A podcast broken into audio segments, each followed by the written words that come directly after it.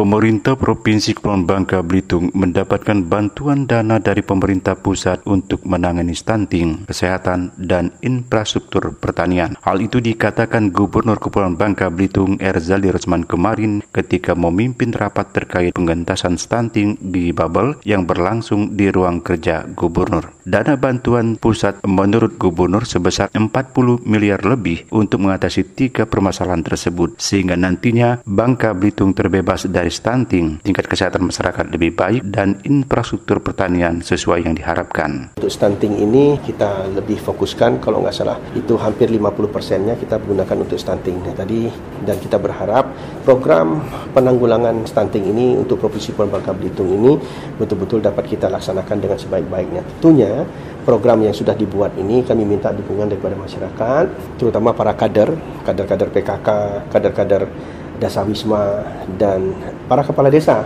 yang berada di ujung tombak dapat mengikuti program ini dengan sebaik-baiknya. Ada beberapa kegiatan di antaranya pemberian makanan tambahan, pemberian makanan hari-hari yang sesuai dengan gizinya, cek kesehatan juga, pembinaan ibu-ibu hamil dan lain sebagainya. Semua kita lakukan uh, dengan koordinasi pihak provinsi untuk penanganan stunting lebih serius mengingat Babel salah satu daerah angka stunting lebih tinggi yang tersebar di beberapa kabupaten kota sehingga 50% dana tersebut digunakan untuk mengatasi kasus stunting. Menurut gubernur, program ini akan dilakukan di akhir bulan Januari 2020 dengan menghadirkan ahli gizi, Profesor Hadirman dan tenaga ahli lainnya. Kegiatan ini dihadiri Gubernur Kepulauan Bangka Belitung, Ketua TPPKK Bangka Belitung Belitung Haja Melati Erzaldi, Kepala Dinas Kesehatan Provinsi Bangka Belitung, Kepala Dinas Pemberdayaan Masyarakat Desa, serta undangan lainnya. Hasan Aim dari Pangkal Pinang melaporkan.